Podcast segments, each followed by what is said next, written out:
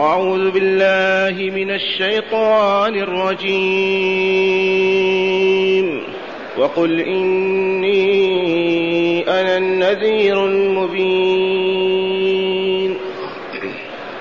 كما أنزلنا على المقتسمين الذين جعلوا القرآن عضين. فوربك لنسألنهم أجمعين عما كانوا يعملون فاصدع بما تؤمر وأعرض عن المشركين إنا كفيناك المستهزئين الذين يجعلون مع الله إلها آخر فسوف يعلمون. ولقد نعلم أنك يضيق صدرك بما يقولون. فسبح بحمد ربك وكن من الساجدين. واعبد ربك حتى يأتيك اليقين. معاشر المستمعين والمستمعات من المؤمنين والمؤمنات. وقل إني أنا النذير المبين. من هو الذي أمر بقوله قل؟ ومن هو المأمور؟ فكر عبد الله وقل إني أنا النذير المبين. الله تعالى هو الذي يأمر رسوله صلى الله عليه وسلم أن يقول للإنس والجن للمشركين الكافرين إني أنا النذير المبين. أي البين النذار. لا يشك فيها ذو عقل أو ذو مروءة وفهم ينذر ماذا؟ ينذر البشرية ينذرها مما من العذاب الدائم الذي لا ينقطع عذاب يوم القيامة. وينذرها أيضا من عذاب الدنيا الخلافات والتناحر والتطاحن والدماء والفقر والبلاء. كل ذلك يجره ويسببه الكفر بالله ولقائه. قل لهم يا رسولنا إني أنا النذير المبين. نذارة بين لا يختلف فيها عاقلان أبدا. لماذا البشرية كفرت بربها أعرضت عن هدي مولاها عبدت غيره لم تحكم شرع الله ضاعت وضاع كل شيء عندها كيف لا ينذرها من عواقب السوء والدمار والخراب. وقوله تعالى كما انزلنا على المقتسمين أنا النذير المبين نذيرا عذابا كالذي انزلناه على المقتسمين عذابا كالذي انزلناه واصبنا به المقتسمين من هم المقتسمون؟ هذا اللفظ يحتمل معاني كثيرة وكلها صحيحة. اولا المقتسمون الذين قسموا القرآن فجعلوه قطعا شعر سحر كهانة كذب وهكذا. قسموه فهم المقتسمون. هذا يقول القرآن شعر هذا يقول سحر هذا يقول كهانة هذا يقول افتراء هذا يقول كذب. مقتسمون نعم هكذا قسموا القرآن. واليهود والنصارى والله مقتسمون. قسموا كتب الله وفرقوها وشتتوا ما فيها وعبدوا غير الله فهم مقتسمون. ومن المقتسمين ما جعلتهم حكومة مكة على عهد الكفر ووزعتهم على أبواب مكة وطرقاتها. يرصدون كل من أراد أن يدخل ويسأل عن محمد يقول لا تصدقوا ساحر وكذاب. أبواب مكة منافذها كل منفذ باب فيه شخص مهيأ لهذه الفكرة. إذا جاء حاج أو معتمر يسأل يقول لا تسأل محمد. هذا جاء ليفسد علينا ديننا ويهبط بنا إلى غير هذا المستوى. هم مقتسمون أيضا. إذا نذيرا لمن؟ بالعذاب الذي أنزلناه كما أنزلناه ننزله كما أنزلناه على المقتسمين الذين جعلوا القرآن عيضين. جمع عيض قطعة. جعل القرآن قطعا. وهو كله كلام الله. وكله يهدف هدفا واحدا أن يعبد الله وحده ويسعد الإنس والجن. فجعلوه قطعا قطعا وقسما قسما. ثم قال تعالى فوربك لنسألنهم أجمعين عما كانوا يعملون. أقسم الجبار بنفسه فوربك يا رسولنا محمد صلى الله عليه وسلم لنسألنهم أجمعين عن شركهم وكفرهم وباطلهم وكذبهم وخداعهم وغشهم. لا ينجو واحد من هذه الأسئلة. وبعد السؤال يكون الجزاء ومعنى هذا سوف يعذبهم العذاب الأليم في دار القيامة. فوربك لنسألنهم أجمعين. حقا ما من كائن من البشرية إلا وسيسأل لم ما آمن؟ لم ما عبد الله؟ لم ما أطاع رسوله؟ لم لم؟ ثم يتم الجزاء بعد الحساب بعد السؤال. ولا ننسى أن من المقتسمين جماعة أنزل الله بهم عذابا ما عرفه العرب في مكة. نوع من المرض هلكوا عن آخرهم وباء خاص مرض خاص منهم أبو لهب هلكوا به ومنهم من هلك في بدر. والمهم أن الله بلغهم بواسطة رسوله وأنذرهم فأصروا على العناد والكفر فأنزل بهم عذابه ونقمه.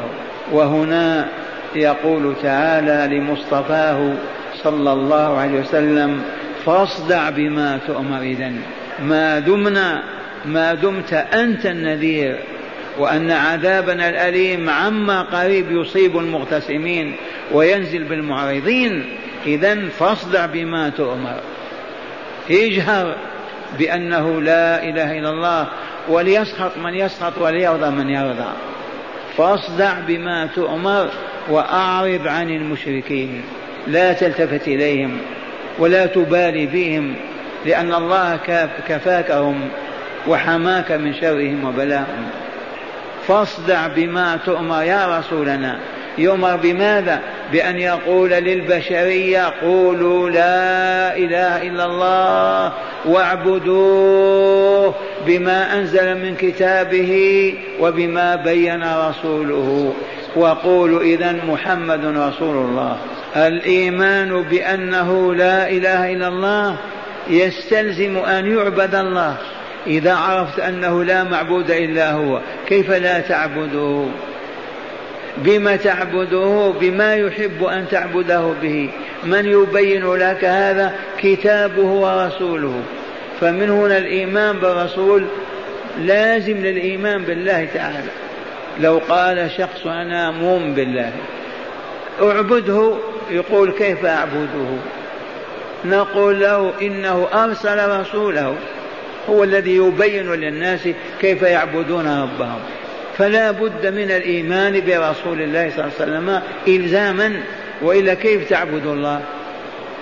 فلهذا الشهادتان هما مفتاح دار السلام وهما مفتاح الإسلام والدخول فيه. لا بد وأن يقول المرء أشهد أن لا إله إلا الله وأشهد أن محمدا رسول الله. وبعدها يسأل عن الله ما أسماؤه ما صفاته أين هو فيعلم ويعرف. ما الذي أعبد به ربي؟ يبين له عبادة عبادة عبادة كل العبادات من يبين له هذا؟ الرسول الذي كلفه الله بهذا وأرسله من أجله إلى الناس أجمعين. وسنة الرسول ثابتة وما في القرآن ثابت لا يتبدل ولا يتغير وبذلك يعبد الله عز وجل. فاصدع بما تؤمر به بما يؤمر بأن يقول للناس لا إله إلا الله وأني رسول الله فاعبدوا الله بما شرع لتسعدوا في دنياكم وأخراكم وتكملوا في الدارين. ومن أعرض واستنكف واستكبر فسينزل به البلاء وينزل به العذاب في الدنيا والآخرة. وقوله تعالى وأعرض عن المشركين لا تلتفت إليهم. سبوا شتموا قالوا ساحر قالوا مجنون قالوا أعطيهم ظهرك ولا تلتفت إليهم. واثبت على دعوتك. فاصدع بما تؤمر وأعرض عن المشركين. من هم المشركون يا عباد الله؟ الذين يشركون مع الله إلها آخر فيعبدونه مع الله. الذين يشركون مع الله في عباداته يعبدونه ويعبدون معه معه غيره. أشرك العبد يشرك إذا اعترف بإلهين أو ثلاثة كالنصارى. أشرك إذا دعا أو سأل أو طلب من مخلوقات الله ولم يطلب الله ولم يسأل الله. أشرك بالله حلف بغير الله. سبحان الله. الرسول صلى الله عليه وسلم يقول من حلف بغير الله فقد أشرك. كيف أشرك فطرة الإنسان أنه لا يحلف إلا بعظيم يعظمه. فقط ومن هو أعظم من الله؟ لا أكبر من الله ولا أعظم من الله. فمن حلف بشخص آخر معناه أعطاه العظمة التي هي حق الله. أشرك مع الله هذا المخلوق في عظمة الله. الذي سأل غير الله من الأموات والأشجار والأحجار والأصنام وطلب حاجاتهم أعطاهم معنى معنى إلهية الله. جعلهم يسمعون ويبصرون ويقدرون على أن يعطوا وأن يأخذوا ويعزوا ويذلوا. معناه سواهم بالله. جعلهم مثل الله تعالى تدعوه في الظلام في الضياء في الفقر في الغنى في أي ساعة يسمع نداءك ويعطيك. الذين يتقربون إلى غير الله بالذبائح والنذور. أشركوا بالله في أشركوا بالله هذه المخلوقات فعبدوه كما يعبد الله فهم مشركون. تعرفون الشركة وإلا لا؟ في الدكان في التجارة في البستان أمرهم واحد وإلا لا؟ فالله عز وجل لا إله إلا هو. لا يرضى أبدا ولا يقبل أن يشرك معه سواه فيما تعبد به عباده. العبادة حق الله. كيف كانت حقه؟ كيف وجبت؟ وجبت لأنه هو خالق المخلوق. وخالق كل شيء من أجل هذا المخلوق خلقه ليعبده. فإذا أغمض عينيه والتفت إلى غيره وعبد سواه وقف موقف لا يرضاه الله عز وجل. أسخط الله عليه فما دمت مخلوق للعبادة. فهذه العبادة لن تكون إلا لله عز وجل. وهذا الذي جهر به رسول الله وأمره ربه بقول فاصدع بأعلى صوتك. فاصدع بما تؤمر قل لهم لا إله إلا الله وأني رسول الله وأن هذه الدار ليست دار جزاء الدار الآخرة هي دار الجزاء وأنتم صائرون إليها ومقبلون عليها. إذا فاستقيموا من هذا الانحراف والعوجاج وقولوا لا إله إلا الله واعبدوا الله. فاصدع بما تؤمر وأعرض عن المشركين إنا كفيناك المستهزئين كفيناك شرهم وبلاهم ونقمتهم سلط عليهم أمراض كما علمتم فماتوا والذين ما ماتوا بالأمراض في مكة الخطيرة ماتوا في بدر سبعون صنديدا منهم. كفاه إياهم وإلا لا. إذا لا تخف يا رسولنا ولا ولا واصدع ولا تبالي.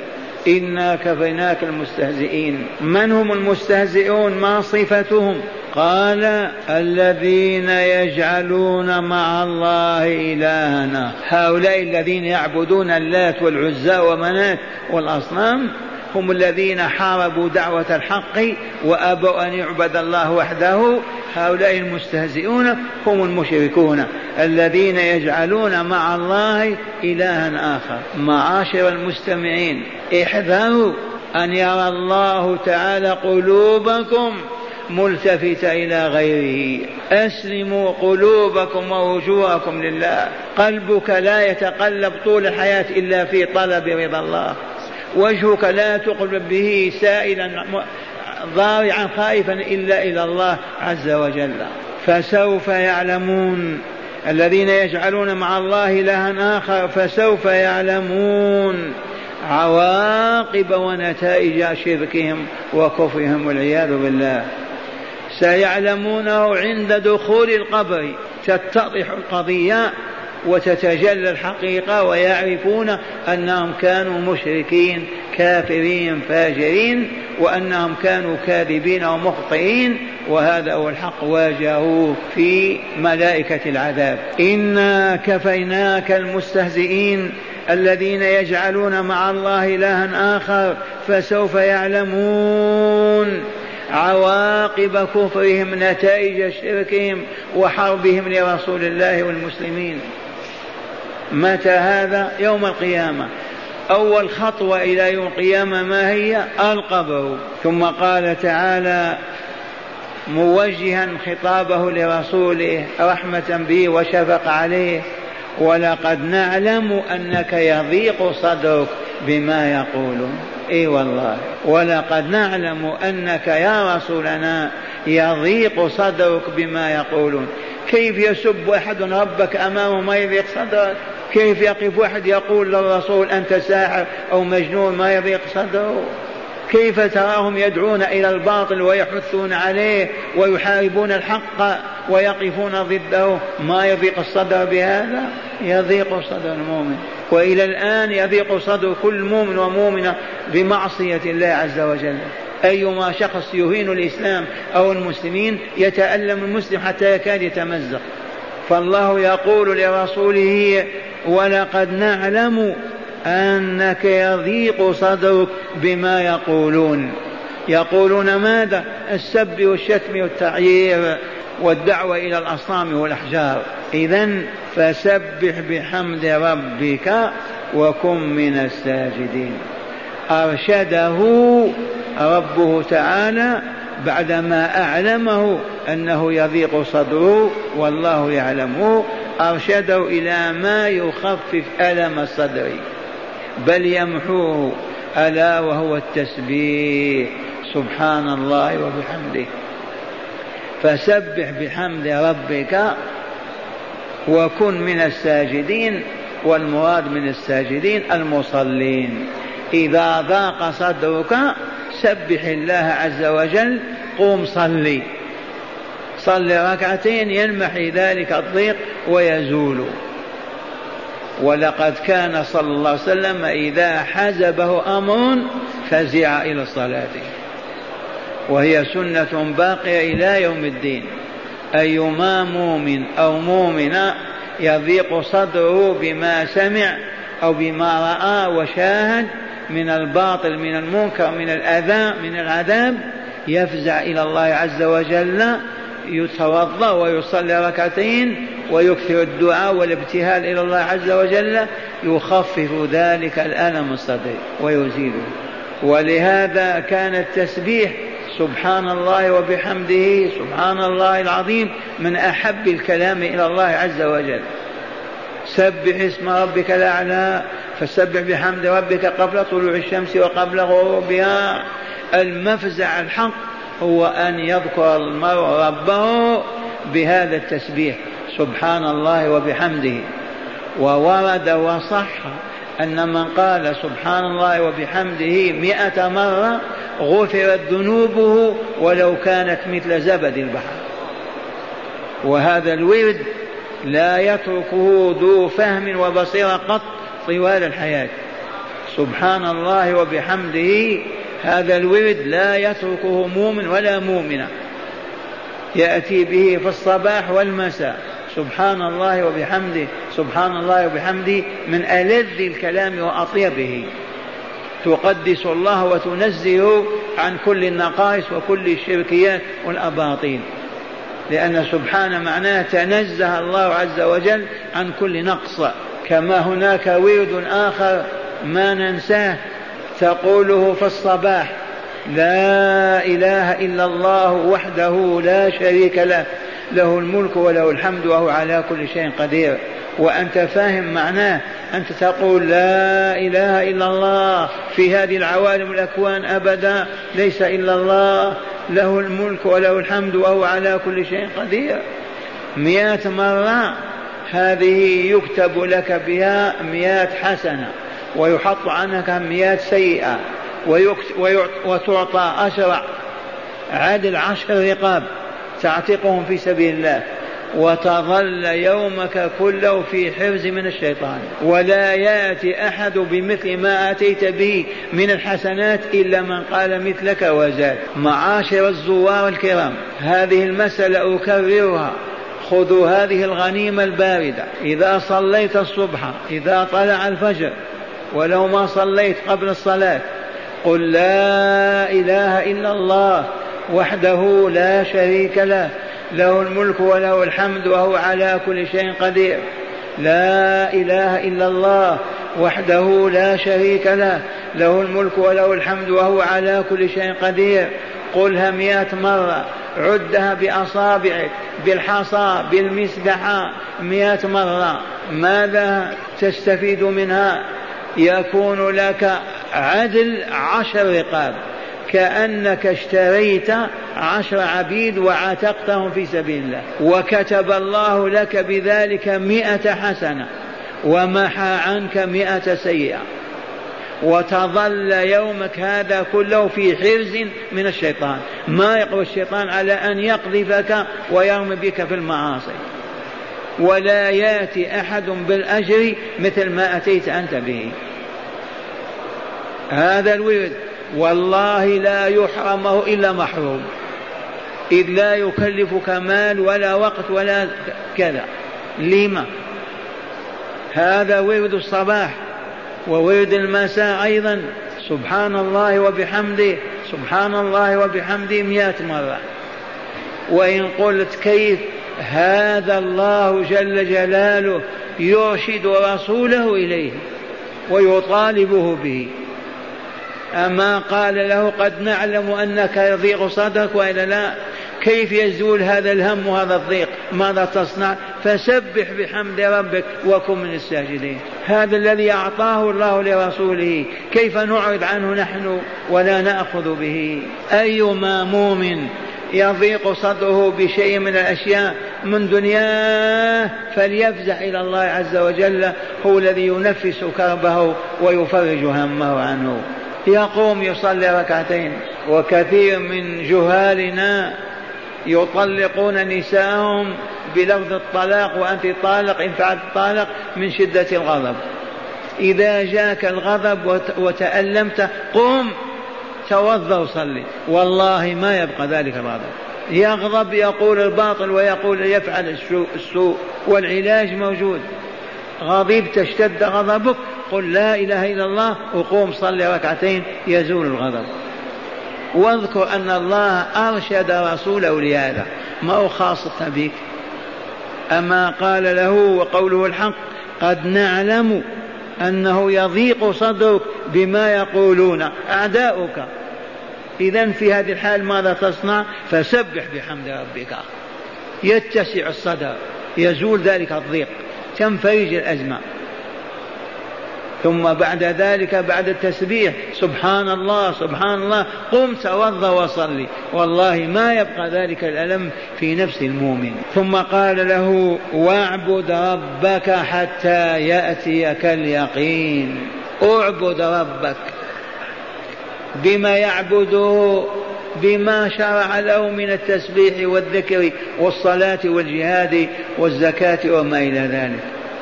اعبد ربك وحده بالرهبة منه والخوف بحبه ورجائه. اعبده بذكره بالركوع والسجود بين يديه. اعبده بما أوجب أن تعبده به. اعبده بترك ما حرم. وأعرض عما نهى عنه وكره. بذلك تكون العبادة. أعبده إلى متى؟ حتى يأتيك اليقين. ما هو اليقين الذي يأتينا؟ ألا إنه الموت. هل بينكم من يقول أنا لا أموت حتى يأتيك اليقين؟ إيماننا بالدار الآخرة. إيمان. إيمان علم. لكن اليقين متى؟ لما يأتي الوفد من الملائكة لقبض روحك وأنت على سرير الموت. ثم يصبح ما كان علما يصبح يقينا وإلا لا. ما كنت تؤمن به وتعلمه يتحول إلى يقين. عين اليقين. لأنك شاهدت ملك الموت وأعوانه وهم يستلمون روحك ويعرجون بها إلى السماء ثم يردونها إليك ثم تأتي المساءلة في القبر لما فعلت لما تركت. واعبد ربك حتى يأتيك اليقين. إلى أن يأتيك اليقين. عرفتم اليقين ما هو؟ ما هو العلم؟ الرسول أعلم الناس وجبريل ينزل عليه وعرج به إلى السماء وشاهد الجنة وقصورها وحورها وأنهارها. هذا كله علم. لكن المراد من اليقين هنا الدار الآخرة الموت. إذ الموت عتبة الدار الآخرة. تعرفون العتبة عند الباب وإلا لا؟ لتدخل. الموت عتبة الدار الآخرة. استمعوا إلى شرح الآيات من الكتاب لنزداد علما وبصيرا.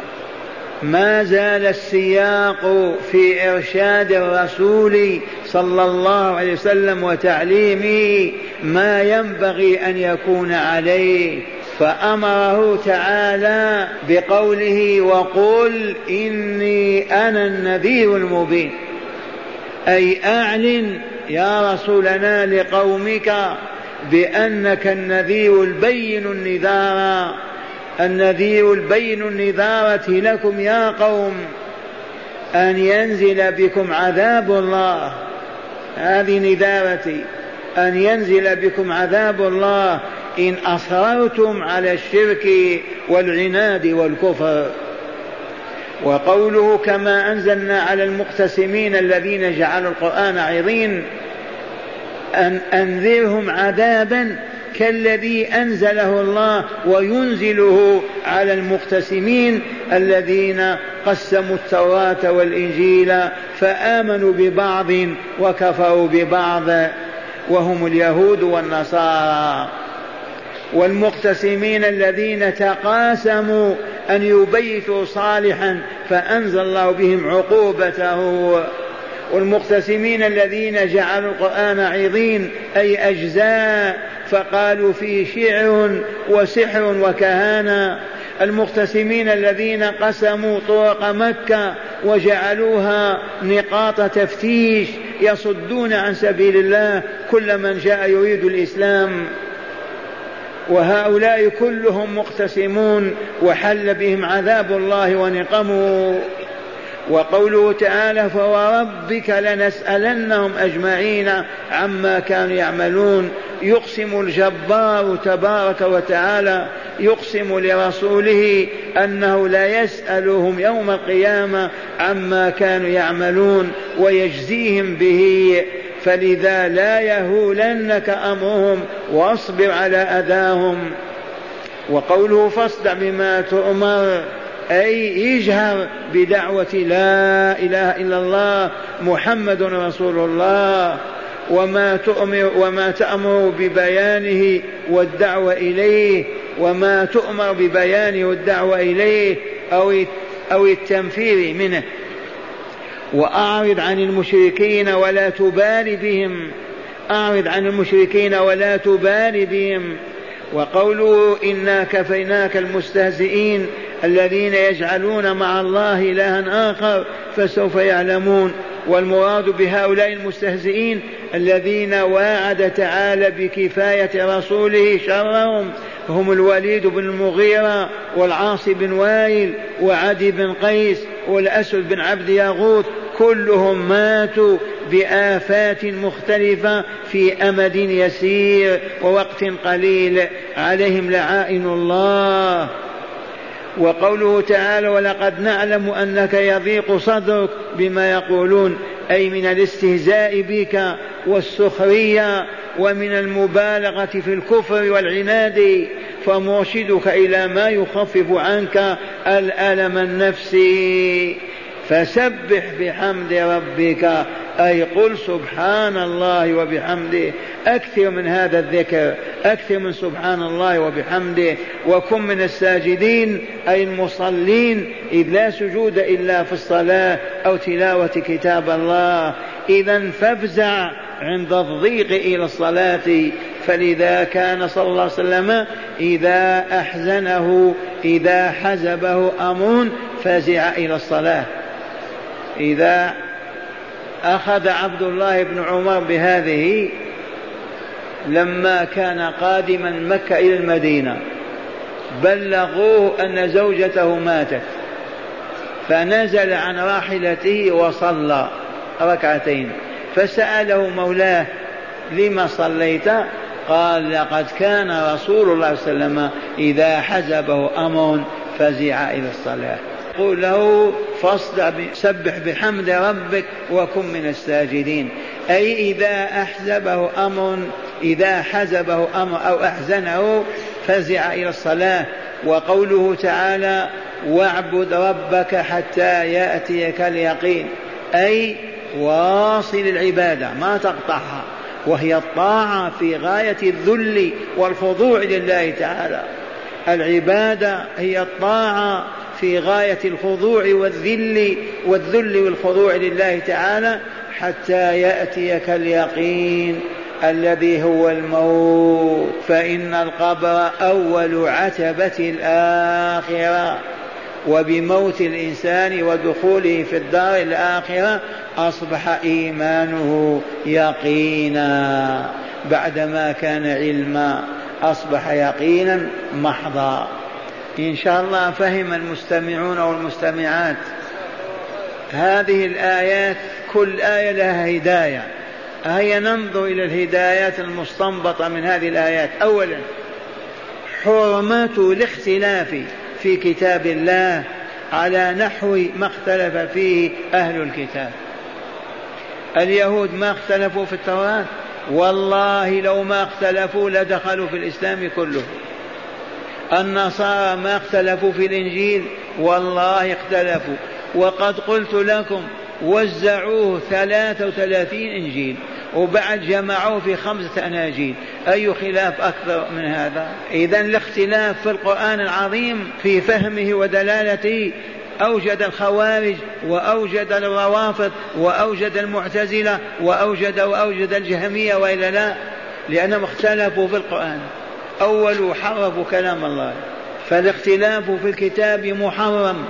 ما يختلف اثنان في آية من كتاب الله. فهموها أو فوضوا أمرها إلى الله.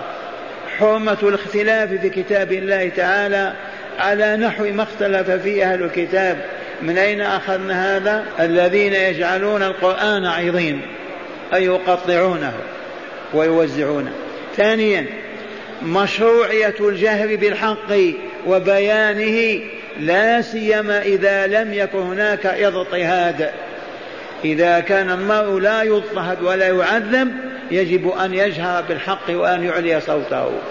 أخذا بقول الله تعالى فاصدع بما تؤمر والرسول قال ربنا كفيناك المستهزئين وأنت إذا لم يكفك الله وتخاف الاضطهاد ما ترفع صوتك. لا بأس. أما وأنت آمن من الخوف يجب أن ترفع صوتك وتجهر بالحق. مشروعية الجهر بالحق وبيانه لا سيما إذا لم يكن هناك اضطهاد. من أين أخذنا هذا؟ فاصدع بما تؤمر وأعرض عن المشركين. ثالثا فضل التسبيح بجملة فضل التسبيح بجملة سبحان الله وبحمده سبحان الله وبحمده. ومن قالها مئة مرة غفرت ذنوبه ولو كانت مثل زبد البحر وهو مروي في الصحيح. سبحان الله وبحمده. يا معشر المستمعين أضيف إلى سبحان الله وبحمده لا إله إلا الله وحده لا شريك له له الملك وله الحمد وهو على كل شيء قدير. وحده أوراد الصوفية الله الله الله والله ما تفيدك أبدا هو هو هو سبحان الله العظيم. كيف فعل الثالوث بالمؤمنين؟ يجلسون في مجلس واحد الله الله الله الله. ماذا تريدون؟ الله الله. لو أن شخصا يقول لك يا عبد الله عبد الله عبد الله ما تغضب؟ ماذا تريد؟ اسأل. وأن تقول عبد الله عبد الله تحتاج إلى صفعة فالذي يقول الله الله. لماذا اطلب. الله الله الله. هذا الورد من شر الأوراد صرفوهم عن الحق. أما هو هو هو هل هو من أسماء الله تعالى؟ وإن كان الله اسمه هو يجوز أن تقول هو هو هو هو, هو مئة مرة. الجهل نعم. ولكن لم ما يسألون ويتعلمون أعظم ورد هو لا إله إلا الله وحده لا شريك له له الملك وله الحمد وهو على كل شيء قدير. ثاني ورد سبحان الله وبحمده. ثالث ورد سبحان الله وبحمده. سبحان الله العظيم. كلمتان خفيفتان على اللسان ثقيلتان في الميزان حبيبتان إلى الرحمن. سبحان الله وبحمده. سبحان الله العظيم. أنت تسوق السيارة ويدك في فمك مسحاتك في يدك وأنت فلاح ولسانك سبحان الله وبحمده سبحان الله العظيم. ولكن الشياطين صرفت القلوب وصرفت الأنس عن ذكر الله حتى تتمكن من إفساد القلوب والعياذ بالله. فضل التسبيح بجملة سبحان الله وبحمده ومن قالها مئة مرة غفرت ذنوبه ولو كانت مثل زبد البحر. تعرفون زبد البحر الأبيض؟ رابعا مشروعية صلاة الحاجة فمن حزبه أمر أو ضاق به فليصلي صلاة يفرج الله تعالى بها ما به أو يقضي حاجته إن شاء وهو العليم الحكيم. أيما هم أو كرب أو محنة قم توضأ وصلي ركعتين والله يفرج ما بك وهو على كل شيء قدير.